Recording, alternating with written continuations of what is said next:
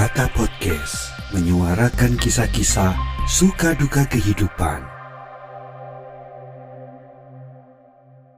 Dan akhirnya kita sampai di hari ke-23 dan memasuki episode yang ke-23. Tema saat ini adalah penyesalan.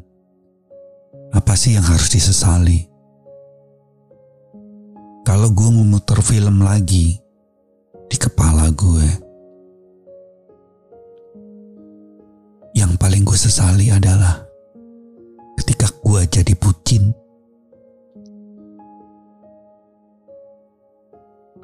Jadi bucin itu gak enak.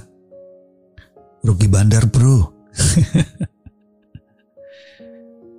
Tetapi gue gak akan membiarkan masalah penyesalan itu menjadi hal yang justru menarik kehidupan gue pada sisi yang lebih merugikan. Lawang udah rugi kok waktu jadi bucin gitu ya. Tetapi bagaimana menggeser sudut pandang bahwa penyesalan itu memberikan sebuah pembelajaran dan pembelajaran menghasilkan sebuah ilmu about how to to live and living. Dengan ilmu itu kita dapat memperbaiki kehidupan kita dan menjaga kehidupan kita untuk tetap selalu stabil dalam kondisi yang baik. Yang jelas, dalam sebuah hubungan, kalau pasangan lu itu nggak jujur, selingkuh, dua hal itu nggak akan bisa disembuhkan. Itu akan berulang dan berulang terus. Mau apa pun juga, memaafkan sih boleh gitu. Tapi jadikan ini sebuah pembelajaran. Segera putuskan. Sebab itu akan berulang dan berulang. Mau apa pun ngomongnya kayak menyesal kayak apa pun juga kayak itu nggak akan berhasil. Itu akan selalu berulang, berulang dan berulang. Kembali ke penyesalan gue bahwa gue nggak memutuskan itu terlebih dahulu gitu. Gak memutusin cepet-cepet ketika fakta itu sudah nyata, kelihatan, dua alat bukti yang lebih dari cukup. Sementara pada saat proses itu berlangsung, gue membi membiarkan seseorang yang mencintai gue dengan apa adanya. Itu terkatung-katung gitu. Apa yang gue lakukan terhadap yang secara tulus tadi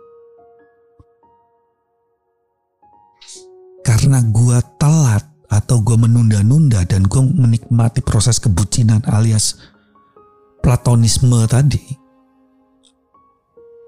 itu kan sebenarnya apa yang gue dapatkan gitu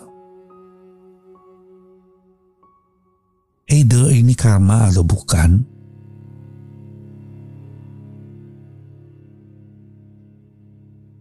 Tapi what you do is what you get gitu loh men. Karena itu, kembali lagi dalam soal pasangan, ketidakjujuran, perselingkuhan itu tidak akan pernah bisa sembuh. Mau nyesel kayak gimana pun juga, itu tidak akan pernah terjadi. Itu akan berulang hanya masalah waktu saja. Yang ketiga adalah yang gue sesali adalah gue gak pinter nabung. Gue terlalu boros orangnya. Boros hanya untuk kesenangan gue sendiri itu. Misalnya gue lagi kepikiran atau gabut gitu ya. Atau halu gitu ya. Atau galon gitu ya. Masalahnya gue jadi suka belanja gitu. Melihat-lihat uh, toko online yang sebenarnya bukan memperbaiki keadaan tapi justru memperburuk keadaan. Itulah penyesalan-penyesalan gue. Satu, memaafkan boleh pada pasangan yang selingkuh atau nggak jujur. Tapi jangan dipiara. Yang kedua, rajin menabung ini penting ini. Kita sudah menghadapi krisis, kita sudah menghadapi pandemi. Mengapa kita harus menambah penderitaan kehidupan kita ini? Selalu akan ada masalah. Toh kita sudah diusir dari Taman Firdaus sejak dulu kan. Mau berharap apa? Kembali lagi ke Taman Firdaus. Ya tentu saja tetap memelihara kebaikan-kebaikan yang berguna buat orang lain. Bukan menjatuhkan orang lain atau membuat orang lain terluka hatinya. Well, pada akhirnya kesimpulan gua bahwa jangan menunda-nunda sebuah keputusan.